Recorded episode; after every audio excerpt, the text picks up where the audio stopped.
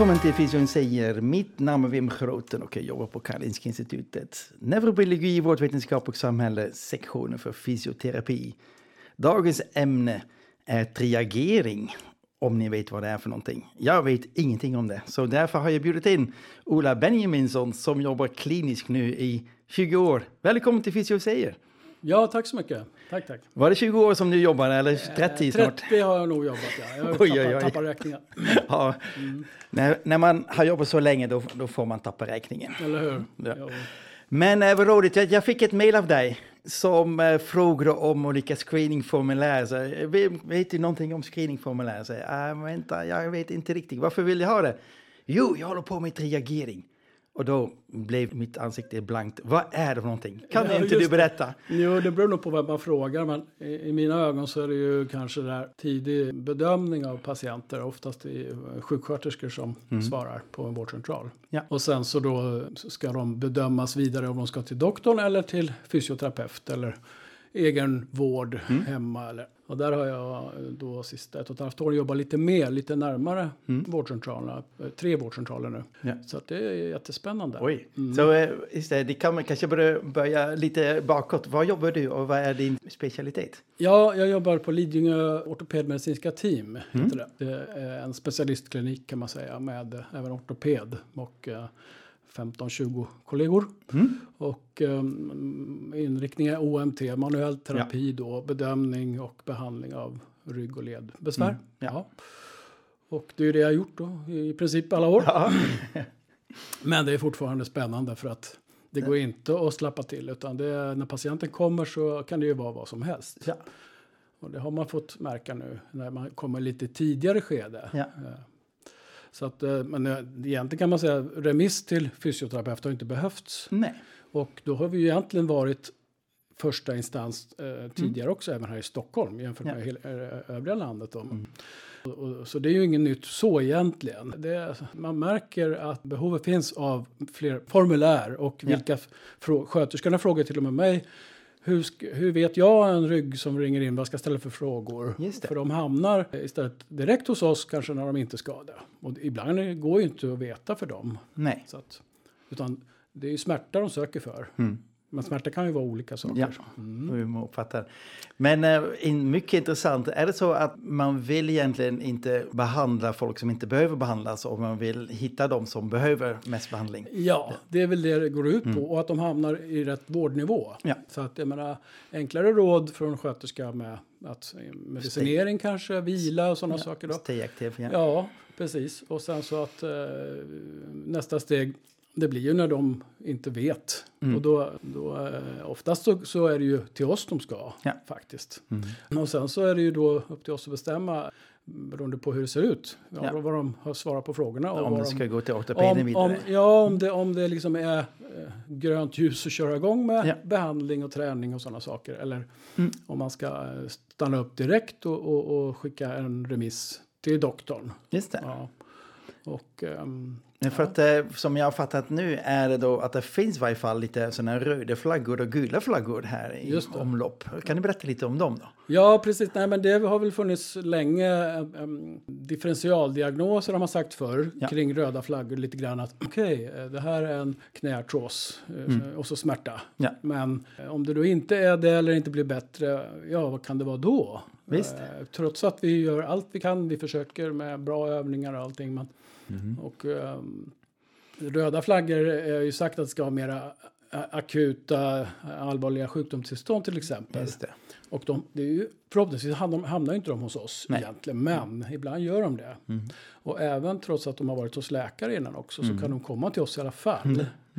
Och vi kanske kör igång för det liknar någonting som vi känner igen. Men så märker vi att nej, det, det svarar inte riktigt på det vanliga. Det borde vara bättre. Det, De borde ha reagerat bättre. Så ibland kan det vara svårt det här med triagering. Det kan vara svårt att vid första tillfället säga. Ibland behöver man ju som fysioterapeut eh, ha patienten kanske tre gånger för att provbehandla Ja. och, och se effekten. Just det. Så att, ja, det, men det... Jo, jag läste lite på här nu innan du kom och jag såg att det fanns då en avhandling som var skriven av Karin Samson 2016, 17 någonstans där. Och hon gjorde en fantastiskt fin RCT, randomiserad kontrollerad studie då.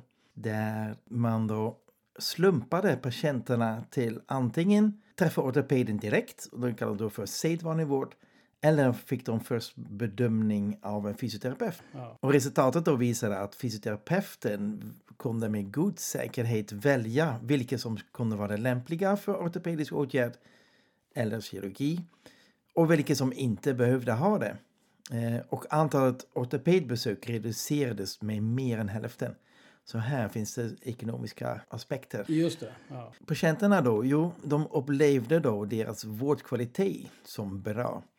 Och de var väldigt nöjda med bedömningarna. De tyckte att eh, det var hög vårdkvalitet och de var lite nästan mer nöjda med bemötandet och den medicinska kompetensen. Så Karin Samsons avhandling eh, borde egentligen ha startat en hel rörelse inom det här med triagering. Men eh, det verkar så att vissa saker tar sin tid. Då. då. Mm, Men annars är det egentligen väldigt svårt att veta evidensnivån för alla de här gula och röda flaggorna. Just det. Och eh, det var ju så vi började prata om. Att det, det ena är ju nu när jag håller på, jag håller på att ta fram ett screeningformulär Ja. själv. Och då går man ju lite på vad har vi alltid frågat och vad, och vad är det som saknas nu? Ja. Både röda och gula flaggor. Och, ehm, och då, då, då, då växer ju jobbet snarare för att man märker oj då vänta nu. Räcker det här? Ja. Saknas det någonting? Och, Just det. och det har ju hänt en del på forskningen i Ja, området och precis. så. Ja. Och då, då är det ju som sagt röda flaggor, bara det kan vara, det är ju svårt nog. Ja. För, då måste man ju diskutera med en läkare oftast. Ja. Men, men, ehm, Men om vi nu eh, har gått igenom de första, vi hittar kanske de som ska vara med. Ja. Hur vill vi sen gå vidare då med screeningen? ja, egentligen så, det- så, så fort som möjligt är det bra att få reda på de gula flaggorna. Ja, Och de kan man ju få, få reda på redan i, i, såklart själv i anamnesen. Ja. Man sitter och pratar med patient, även på telefon, hör, Ja. kan man ju höra att eh, de är oroliga. De, eh, alltid när jag tränar får jag ont. Sådana saker. Så det har ju jag, eh, jag menar, vanliga anamnes hört alla år. Men, och där kommer ju formulärfrågorna in. Ja. För de frågorna ställer vi inte om rörelserädsla till exempel. nej, Nej, och då kan man egentligen inte veta nej, om de har det eller inte. visst. Förstår du? Så att, Ja. Däremot en, andra frågor vi har använt, eh, dels är stress, Ja. dels är det nedstämdhet. Just det. Och någonting som jag har börjat använda sista halvåret det är frågor om oro. Mm. Och den var ganska intressant faktiskt. Ja, berätta. Nej, men det är ju så man tror patienten. Det rullar på, de, de blir bättre, Mm. smärtorna minskar, man kan öka övningarna, det blir lite eh, tyngre belastning och så. Men så har jag börjat göra- ställa mer en tydlig uppföljningsformulär också. Ja. Där jag la in det här med förväntningar till exempel, men också oro. Ja, Och då var det en patient som eh, registrerade oro och då var en följdfråga, vad är du orolig för? ja, Och då var hon efter tre månader fortfarande orolig för att hennes huvudvärk var en hjärntumör. oj. Och liksom, om det finns, då är det ju svårt kanske att släppa en, en spänning, en stress, Visst. som underhåller smärta. Ja. Så att nu var ju hon ändå bättre, som tur var. Så att säga. För det, det här var ju mycket spänningstillstånd, eh, avslappningsträning och spänningshuvudvärk hon hade. Mm. Men som sagt, det är intressant. Det är först när man frågar, och de frågorna har inte jag tid- tidigare ställt, Nej. så när jag tycker det flyter på. Mm. Så att det är intressant när man börjar använda formulär att man får, ja, man vet ju inte först de svarar. Nej. Så att, eh, Nej, precis. Och sen är det mycket för och nackdelar med olika formulär. Naturligtvis är det någon form av standardisering som kanske kan behövas. just det. Ja. Men eh, jag kan förstå i din kliniska vardag vill man inte hålla på med 12 och 15 frågor om rörelserädsla. Nej, nej, precis. Och där är ju ett dilemma nu då. då. Vissa frågor som till exempel, eh, de har vi ju alltid ställt. Så att då, Ja. ja, då, då, det, det, ställer man samma fråga igen, ja, men då, på något sätt så får man ju svar. Så Ja. det måste ju stämma på något sätt. Ja. Men, men äh, egentligen eh, kan jag säga att det, det började redan efter jag gjorde min magisterexamen. Och eh, där handlar mycket om just gula flaggor Mm. Och uh, självtillit. Ja, Self-efficacy, ja. Mm. Och då var det egentligen så nästa steg för mig, det var ju att inte bara mäta gula flaggor utan samtidigt mäta på samma patient röda Mm. Just flaggor. det. För det, det är inte så vanligt att man har Nej. gjort det. Utan då kör man på med de gula flaggorna. Ja. Fast egentligen kan en gul flagga vara en röd. Mm. Alltså en röd inte allvarlig sjukdom, men, men att det kan vara någonting under som är obehandlat. Ja. Och det har jag ju träffat på i många fall nu. Mm. Där man tänker till slut att nej, det här är bara psykologiskt. Just det. Men, och sen så får de kanske medicinsk behandling Mm. fyra dagar. Och smärtan är borta. Man har haft det i ett år eller Oj. längre. Ja. Så att, eh, ja, jag kan ta ganska många sådana exempel. Man, man kommer på, eh, jag kan ta lite snabbt bara, Ja, ganska ja. intressant. En ung tjej, 29 år. Hon, hon har gått i 15 år och haft ont i eh, bröstkorgen på Ja. vänster sida ut mot armen. Mm. Har hela tiden sagt att, till sin läkare att hon är orolig för att det är hjärtat. Ja. Men på, på, de diagnoser har fått är ångestsymptom, ångest, panikattack, Ja. Eh, alla sådana diagnoser. Till slut så blir hon så frustrerad så att när vården inte riktigt lyssnar så då sa jag så här, då fick jag via, mm, jag fick ju en konsultationsremiss då från en, en vårdcentral norr om Stockholm. Att eh, jag föreslog liksom eh, att hon faktiskt, för att minska en gul flagga Ja. så kan man ju enkelt göra en EKG. ja, visst. Och det eh, lyssnade hu- husläkaren på. Mm. Och, eh, och då eh, kom hon tillbaks, eh, patienten, och var ju gladare såklart att de hade lyssnat och att det inte var något fel på hjärtat. Ja. Men 15 år, Nej, det är ganska lång tid. Not good. Däremot så har hon då utvecklat en mer en inflammation. Ja. Så då behövde hon medicinering också. Just det. För jag, det gick inte att komma åt med manuell behandling Nej. eller träning heller. Nej.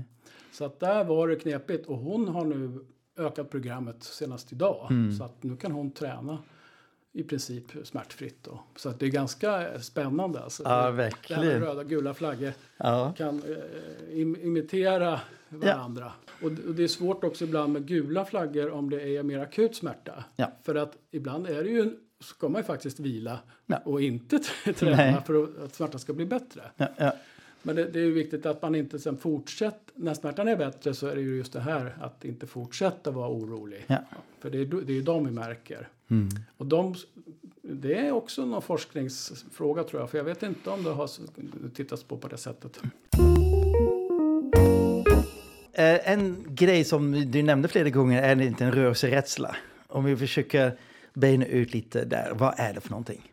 Ja, mm, i mi- mina ögon rörelserädsla und, kopplat mycket till undvikande också. Ja. Mm. Undvikande beteende som det kan leda till. Och, eh, kliniskt så är det vissa människor kanske har en mer tendens att utveckla det. Ja. När man har en viss oro Ja.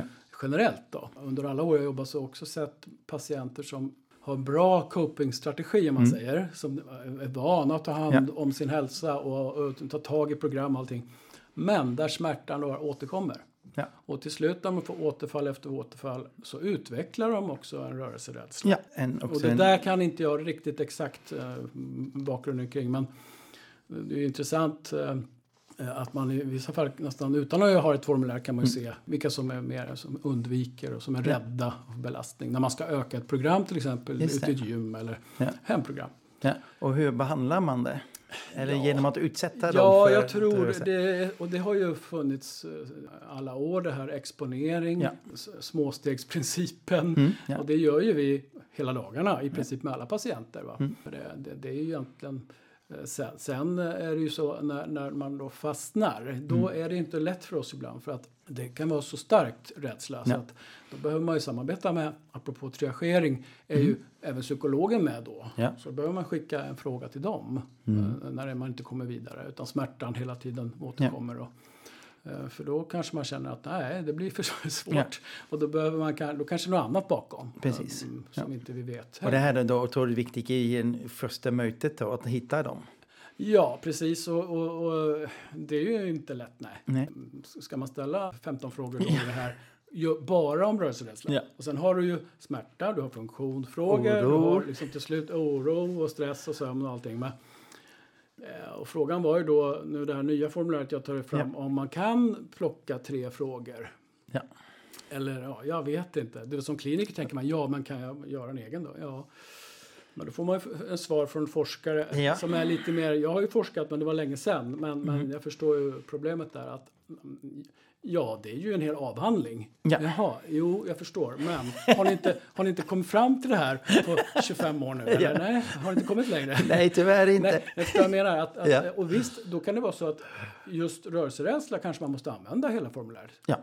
på alla då i princip. Ja. Och det är väl inte hela världen. Och kanske egentligen ett steg innan, så när ska vi eh, låta patienter fylla i det här formuläret? Ja, Att man hittar Jo. de som kan vara intressanta för det. ja, precis. Men, men du vet, ibland så vet man inte det förrän de har svarat på frågorna. Precis. Och det var ju därför jag tänkte om man kan få med det i, säg att det är 25 frågor. Ja. Så då behöver ju kanske fem av dem vara kring rörelserädsla. Ja. Eller det som också heter katastroftankar. Tankar, ja. Mm, för att eh, där är det ju, ja, det är ju nästa steg. Att det, det kommer aldrig bli bra. Och då, det påverkar oss ganska mycket. Det. Precis. För att eh, Ja. jag kan hålla på att träffa en patient två gånger i veckan hur länge som helst då. Men då, då, då, då det är så starkt så att det, det Mm. Men eh, vi har lite formulär redan. Eh, till exempel Lintons eh, formulär för Örebro eh, Pain Questionnaire eller vad den heter. Just det. Vad tycker du om det då? Ja, nu har inte jag använt det på, på, på länge. Jag tittade igenom det också. Mm. Och där är det ganska omfattande. Mm. Eh, och det är nog olika miljöer. Jag menar, det är en sak om det är primärvård, första instans. Eh, Ja. eh, medans eh, om det är mera är kanske ett smärtrehabilitering där det är fokus på det här. där Man har tid att fylla i formulär, man kan Mm. hjälpa patienten och så. Men Ja. i det här fallet är det ju snarare att det funkar inte riktigt här. Plus att jag tycker att det är ju mycket inriktat på gula flaggor och arbetsliv. Och det är Mm. ju jättebra. Men det täcker ju ändå inte det jag vill ha. För jag kom ju tidigare då. Ja. Så det är en sak om patientpopulationen då är långvarig smärta direkt, om man vet det. Men eh, min, min, eh, min tanke är att mäta det här tidigt eh, på akuta och subakuta patienter. Eftersom återfall är ju en del av det här problemet. Så det är akut, men egentligen är det ett återkommande problem. Ja, precis. Hur många av de akuta hamnar där? Skulle du uppskatta? Du menar i, I, i, i det långvariga? i det långvariga?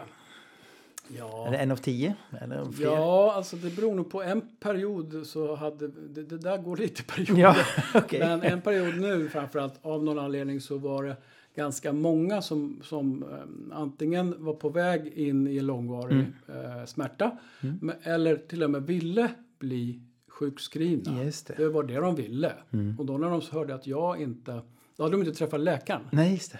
Då när de hör att jag inte kan då, och jag säger ja, men det här kommer gå bra. Du, Mm. du får, nej, men då, då, då, då släppte de det. Mm. Och så i vissa fall, då, eh, nej, då släpper de inte det. För då ringer de ju tillbaks Ja. och ska ha en tid till läkaren. För prompt blir Ja, ja. sjukskriven. Så jag har haft några nu som, som eh, nästan jublade. Och då känner jag som fysioterapeut jublade när de fick sjukskrivning sex veckor. Och Då är det en bra jag- behandling? Nej, och i det här fallet jag tänker nu, då, är, då, då finns det heller ingenting i status. Kan Nej. inte hitta så mycket alls. Och han, den här patienten har alltså mm, bestämt sig att nu är jag hemma här och Ja, har ja. ont här.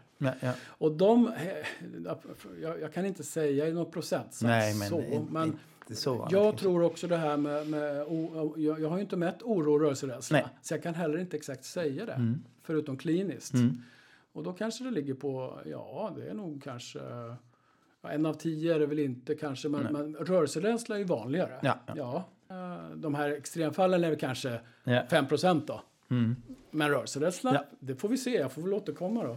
när jag börjar mäta det här. Nej, det man inte. Jo, Jo. för att du håller på att utveckla då det här formuläret. Hur många frågor har du just nu på din lista? Ja, jag satt just här och rensade lite. Okej. Ja, Det- går också in på, apropå det här med digital vård och Ja. eh, när man inte träffar patienten utan det är ju en, en kanske rehab-anamnes som det heter då. Och då är frågan var, var går gränsen mellan screeningfrågor och sen de vanliga anamnesfrågorna Ja, jag ställer. Va? Och till viss del så är några av dem faktiskt sådana man också som patient kan sitta hemma och fylla i lugn och ro innan man kommer till besöket. Ja, Så det, det, men som sagt, där är frågan var gränsen, vad man vill, vad man vill uppnå, vad är syftet? Mm, ja. Det var det jag tänkte på innan här. Mm. Vad är syftet med att mäta? I, första hand är det ju att, att, att hitta de allvarliga tumörer och infektioner och sånt Mm. Ja. som, som är faktiskt eh, lite vanligare än vad man tror när man kommer så här tidigt i Mm. Bedömningen, när man inte har varit hos läkaren heller då. Och nästa steg det är ju, det är ju mera eh, de gula flaggorna. Ja. Frågan är liksom, det är ungefär som att du vet Kill your darlings heter det. Ja, ja, ja. Så, så nu, det här satt jag i morse och gjorde. Okej. Ja, så att från eh, 45 frågor det, vart det väl nere i 23 eller något sånt. Okej. Ja, för att jag har också nu samarbete med eh, Region Stockholm i mitt journalprogram Ja. och L77 så kan man alltså göra egna, journal, eh, egna formulär. Ja. Det, det, det är bara det att jag skulle gärna vilja få med hela vägen från start, uppföljning, Visst. veckovis mätning och avslut. Ja. Och nu har jag blivit lovad, lovad att nästa vecka Nämen. så ska vi sitta i testmiljö.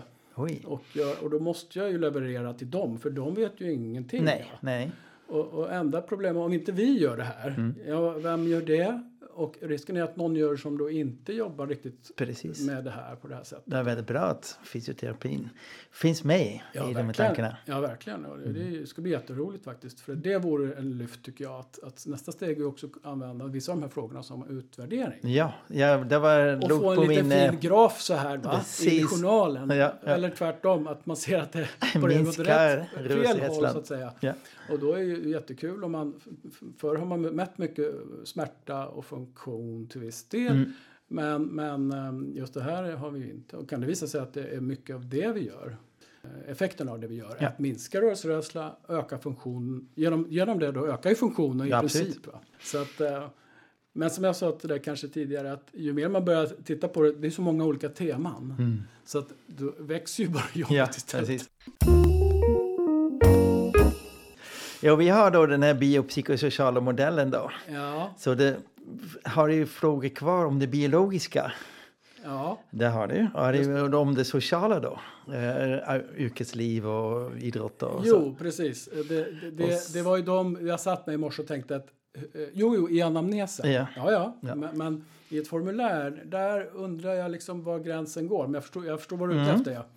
Att, eh, där, och varför jag hade med det i det första, eller jag har Mm. kvar det första. Det är mest att jag måste se de, de kan ju använda det också. Vi kan, kan ju ta allt först och se. se. Men patienten måste ju orka fylla i Ja, allting. 45 frågor. Sen är det ändå så att Ja. vi måste ju ändå fråga dem sen. Ja. Så att frågan är liksom bara, ja, när får man reda på informationen? Ja. Ibland kommer de för sent, man har kort om tid. Ja. Då är frågan, ska jag måste kanske fokusera på det de söker för istället för att köra igenom Ja. alla. Men, men då kanske man missar det här som märker sen att ja, den här personen bor ensam, har inga vänner och ingen familj. Mm. eh, Och eh, söker ju eh, kontakt. Ja. Och, och då blir det svårt kanske att avsluta en sån patient. Visst. Va? Så att jag förstår vad menar den artikeln som vi tittade på lite grann. Här, Ja. att det saknas ju mycket det i forskningen. Ja, i forskningen. Så man, eh, ja, den artikeln handlar... Vi ska se vem som skrivit det. var Paul Hodges och hela gänget där. Um, Mescuto. A critical review of the biopsychosocial model of low back pain care. Time for a new approach, skriver de som titeln. Där de då förstod att av de formulären som finns nu såg de att 98 procent var egentligen bara psykologi. Är Psykologiska faktorer som, Ja. som Ja. man pratade om. Och missade då både den sociala delen ganska dåligt. Men även har de hittat i de här, jag tror 45 formulär har de, har de granskat. Fanns det ingenting om kultur, region, eh, språk, interpersonal aspects. Så, nej, Nej, så det de, vi kallar socialt. Det- alltså, det, ja. I anamnesen he- heter det ju socialt. ja, Det är alltså, ja, vad är men, det då? precis, men ja, egentligen environment. Familj, ja. familj barn, vänner och det, Ja. där, där med åren märker man hur viktigt, ja, kanske mer också under pandemin, men även Just det. tidigare faktiskt. Ja. Så vet man ju nästan det innan man frågar. Att, Mm. men, men, eh, men det påverkar ju verkligen eh, utvecklingen av rehabiliteringen Ja, såklart. Om man Så- har stöd eller inte stöd. Men Ja. Förutom vissa personer kanske som är jättestarka och klarar sig alltid själv och så. Men, men de är inte så vanliga. Och sen är det egentligen de screeningsformulären eller formulären som du vill ha borde haft egentligen evidens för att de här faktorerna som du letar efter har betydelse Ja. för eh, utfall Just lite det. längre fram. Och när vi tittar i en annan artikel då är evidensen högst weak som du skriver Ja, då. det som har... Eh, limited, ja. Eller vadå? På, det som har eh, gjorts tidigare? Eller? På till exempel pain catastrophe Ja. då. Man vet att den har betydelse för utfallet men inte alls för alla. Nej, just det. Nej. Eh, Så, eh, Och, och det var det jag menade lite grann att vilken patientkategori pratar vi om? Förstår du? Ja. Så att den här transitionen eller från akut smärta in till kronisk. Där kan man säkert hitta markörerna om man säger. Ja, men, ja. Men, men om man väl redan mäter på en som, som har haft mycket smärta, där smärtan kanske har lett också till depression Mm. Ja. och katastroftankar i sig. precis. Ja, det, då är det ju lite, inte för sent, men klart att det är bra att identifiera det också. Eftersom då krävs det ju mer eh, psykologkontakt och tror Precis, jag, samarbeta. Ja. det där är lurigt med forskning tycker jag. För att, Mm. ehm, det var det jag reagerade på tidigare också mycket när det var så mycket gula flaggor Mm. under den tiden. Var det 07 publicerade jag min artikel då i det här Journal of Rehabilitation Medicine. Ja. Och eh, då var det ju hypat med gula flaggor. Ja. Men det var ingen som pratade om de röda. Och, eh, eller ja, det finns ju flera olika Mm. flaggor. Blå och Svarta. svarta. Och blå det är arbetsmiljöpåverkan Ja. och de svarta har jag lärt mig nyligen just att det är just det här med eh, omgi- omvärlden, omgivningen och så det var- det är ganska intressant ja. Framöver då, eh, nu när du kommer in i 1177 med dina frågor och, och eh, försöker styra upp det där. Eh, hur tänker du nu framöver? Digital vård? Ja, precis. Alltså det, tanken egentligen, tror jag, om vi skulle få till det här så skulle vi öka eh, dels patientsäkerheten. För vi kommer hitta mm, mer såklart. Om, för att alternativet är att man inte frågar. Ja, precis. Så Det, att, det är eh, en väldigt bra tanke. Alltså, eller hur? om vi inte gör det, vad händer Nej, då? och det är inte alltid jag tror man gör det. eh, Eller man, alltså vi som kliniker. eh, är inte, det har jag inte gjort någon studie på här så, men att, ehm, att, att man får med alla de här detaljerna var, i, var, i varje patientmöte. Det tror jag är, det, Nej, det. Fokus är mycket på smärta och funktion. Ja. Och lindra smärta är målet, öka funktionen Mm. och så vidare. Men, men det är först när det inte funkar som man börjar, oj, men nu är det några som inte stämmer. Mm. Och, eh, jag tror också faktiskt det jobb vi gör, eh, även fast vi inte, ja nu ska vi hjälpa dig med din rörelserädsla, så är det, det, är ju det vi gör på dagarna. Vi lugnar och vi beskriver att när du kommer igång, så när du får bättre muskler, avlastar du och då kommer smärtan kännas bättre. Ja. Det är ju det som är, det är, det som är eh, hypotesen. Och den funkar ju eh, oftast ganska bra. För det lugnar ner och förhoppningsvis nästa vecka så har man märkt redan att när musklerna kommer igång, ja nu faktiskt har jag mindre ont. Ja, vad bra då säger jag, för då hade jag ju tur. Va? Ja. Nej, men det är så lite grann att man, man testar i sig själv också. Och stämmer inte hypotesen, då måste ju, det är ju lite som forskning. Då måste jag gå tillbaka och tänka, vänta nu har jag, nu har jag missat en diagnos. Ja, ja. Är det en ländrygg? Eller är det en höftled? Just det. Ja. Är det en mekanisk smärta bara som man kan jobba med traktion och, och lite mm. rörlighetsträning? Eller är det en annan sjukdom? Och Jag tror faktiskt att eh, våra metoder är så effektiva och om vi bara noga följer upp det Ja. eh, och utvärdera eh, och vara självkritiska också. Man ska inte direkt säga att det är något annat men mm, jag tror att vi kan faktiskt hitta andra sjukdomar då som, som till exempel reumatiska smärtor. För att, som man inte har utsett tidigare då. Och det har jag ju märkt bara på de här ett och ett halvt åren men även tidigare. Att eh, när inte jag får ihop diagnos, oklar diagnos, smärtor som flyttar sig och eh, inte blir bättre av träning eller ja, då, då har det varit eh, ett fall tumör och ett fall eh, till exempel eh, polymyalgia reumatica. Då. Så Okej. att jag skrev ner det också att det här, där de, eh, redan en man i 75-årsåldern hade ju röntgenförändringar på höften Ja. Och det, smärtor Ja. runt höften. Så då var det ju en höftartros såklart. Ja. Men det, det, den svarade inte på behandling och eh, det, det uteblev effekten. Då visste ju inte jag vad, att Nej. det var. Men det enda jag kan göra är att skicka till doktorn och skriva att vi har prövat, det blir inte bättre. Tacksam för din bedömning om Mm. vidare utredning. Och då tar de blod, ja, enkla blodprover. Ja. Hittar de det. Mannen får ju kortison, tablettform Mm. kortison och ja, blir helt bra i princip. Så jag, i något fall så var det en patient som hörde av sig också och var så tacksam att jag hade hittat det här. Ja, ja. Fast jag, jag kunde inte säga vad det var, men Nej. jag sa bara att det är inte, Inte en vanlig diagnos, det är inte något enkelt här. Nej. Så det, det är ju jättespännande tycker jag faktiskt. Ja. Vad roligt att höra, lyssna på dig Ola, Ja. för att jag är 30 års erfarenhet som vi försöker nu fånga här Ja, i eh, precis. 30 minuters... eh, Ja, och även, eh, jag tänkte på historien går vidare för Ja. min gamla lärare Dan Wallin som eh, egentligen har eh, mycket grunden till den här OMT-utbildningen. Mm. Den stor, stora studien som han var med på då, på, på, om det nu var på 80-talet till och med, som gjordes i Region Stock, eller Stockholms landsting. Mm. Då. då var det ju mycket faktiskt, en, en, del i, i det var att man hittade, eh, eller ko- kollegorna hittade alltså andra sjukdomar. Mm. När de kunde säga att nej det här är ingen dysfunktion. Eller, Mm. Så att, eh, det är ganska intressant den delen också. Så att eh, förhoppningsvis så, så att vi kan selektera bättre och också minska kostnader. Ja, För då hamnar de rätt i vården, Ja. patienterna. och eh, det är intressant att vi, eh, vad gäller ländrygg, då är, läser jag någonstans att 80 procent är ospecifika besvär. Ja, Ja, jo, men så är det ju. Alltså, nej, det de menar med det, det är ju att, att eh, de flesta inte har någon eh, skada i ryggen som kopplat till den smärtan de har. Mm. Ja. Nej. Och, det försöker jag säga till patienter ibland också. Okej, du har förändringar men du vet, det här som är på magnetkamp, du behöver inte ens ha ont av det. nej. Och då blir det lite provocerande för då har de ju gått och väntat på att... Ja, den vill ha en bild. Och Ja. så, ja, nu är det. Men, men, eh, och det säger jag också för att lugna ner. Men också för, annars kommer man inte vidare för då fastnar de i det där att det där kommer ju inte bli bra. Nej. Utan då säger man att precis som det är, det läker ut och med hjälp av eh, Av fysisk rörelse. träning, Ja. stabiliseringsträning eh, och så vidare. Då. Mm. Alltså börja på, på låg nivå, öka gradvis och så. Just det. Nej, det, är- det är eh, spännande. Så att eh, det, det finns mycket att, att, att, att utveckla tror jag faktiskt.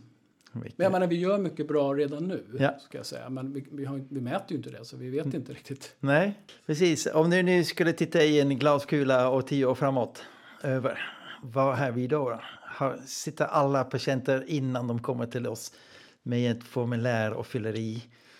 Eller vad tror du? Ja, eh, alltså, om jag bara lä- den senaste tiden när jag läser om Mm. eh, avtal, ekonomi, digital vård Mm. så, så är det ju på väg åt det hållet att det ska bli mer egenvård i hemmet till exempel. Mm. För, ja, inte bara för de patienterna jag jobbar med utan även för kroniska smärtor på Ja. olika sätt. Eh, hjärt och kärlsjukdomar. Det är ju det också en, en läkare har på just att mäta blodtryck och få in det direkt i journalen. Ja. Mm, hemifrån då. Just det. Men eh, jag vet inte. Jag, jag hoppas ju att det ska eh, också gagna patienterna. Så att, Ja. eh, så, att de, så att det inte bara blir någon sorts digital... Jaha, vem är det? Jaha, någon, någon chatt någonstans. liksom. Precis, en robot. Ja, ja, och blir de bättre, ja då blir, hade de kanske blivit bättre ändå. Visst. Och blir de sämre, ja då är det ingen som fångar upp det. Nej. Mm. Så att om man ska använda AI, apropå det du... Ja, ja. ja. Då tror jag nog att det kan gå bra om vi fyller AI med, med rätt Med rätt saker. information. Ja. För att, ja, jag, jag förstår att AI kan mycket, men, men jag menar, om inte vi nu själva kan hitta rätt frågor, hur ska den då från Ja. nätet hitta? Nej. Det, vet, har du, det får vi pröva sen då. Ja, det tycker jag. Vi kommer tillbaka om tio år. Sö, sök, sök på liksom, AI löser allt. Ja, precis. Eller vad heter den här? G- GP3, GP4? jag vet Ja, ja, eh, chatbot. Chatbot, ja. ja. Nej, så att jag hoppas ju att det blir mer möten. För det är Ja. det patienterna vill. De vill höra Ja. lugnande råd och även man förstår. Och sen peppning i att komma igång och träna. Och följa Mm. upp det också. För det är många som sätter igång, apropå digital vård. Mm, ja. Så får de något program, men sen släpps det hela då tyvärr. Och det, det, som sagt, det är en chansning. Men det är ingen bra patientsäkerhet tycker jag. För att Mm. patienten kämpar på ett halvår men det, det går åt fel håll. Mm. Och då eller så slutar de ju ganska snart. Ja. Så att då blir de inte hjälpta. Nej, precis. Min käpphäst är då ja, rörelsekvaliteten är viktigare än kvantiteten. Ja, Eh, När man då kanske utför en rörelse felaktigt. Att man matar in den felaktiga rörelsen genom Ja. att upprepa den Ja. flera gånger och så. ja just det. det är Precis. bara tok i längden. Jo, Så det är viktigt att rörelserna utförs rätt. Så Precis. eh, supervision vi- har man visat sig flera gånger att det är ja, mycket bättre. precis. Och, och även det här med att eh, råd om rädsla och oro. För om man kan bryta det snabbt på de som har lite lindrig, då utvecklas det ju inte till något problem. Mm. Precis. Och tvärtom, om man, varje gång man tränar får man ondare Ja. och det blir värre, värre, värre. Så, Då fastnar det ju då till slut Ja, i, i en sorts ja, spiral. rundgång med, Ja, ja. med vad heter det, stresssystem och muskelsystem man säger, sitter ihop på det sättet. Ju. Mm. Ja, Så att, eh, nej, det, är, det är en bra fråga vad som händer. Men eh, då säger jag stort tack att du kom till Fysion, säger Ola. Ja, tack så mycket, det var jättekul att komma hit. Ja. Du har lyssnat till podden Fysion säger, en podd som sänds från sektionen för fysioterapi på Karolinska Institutet. Fysion säger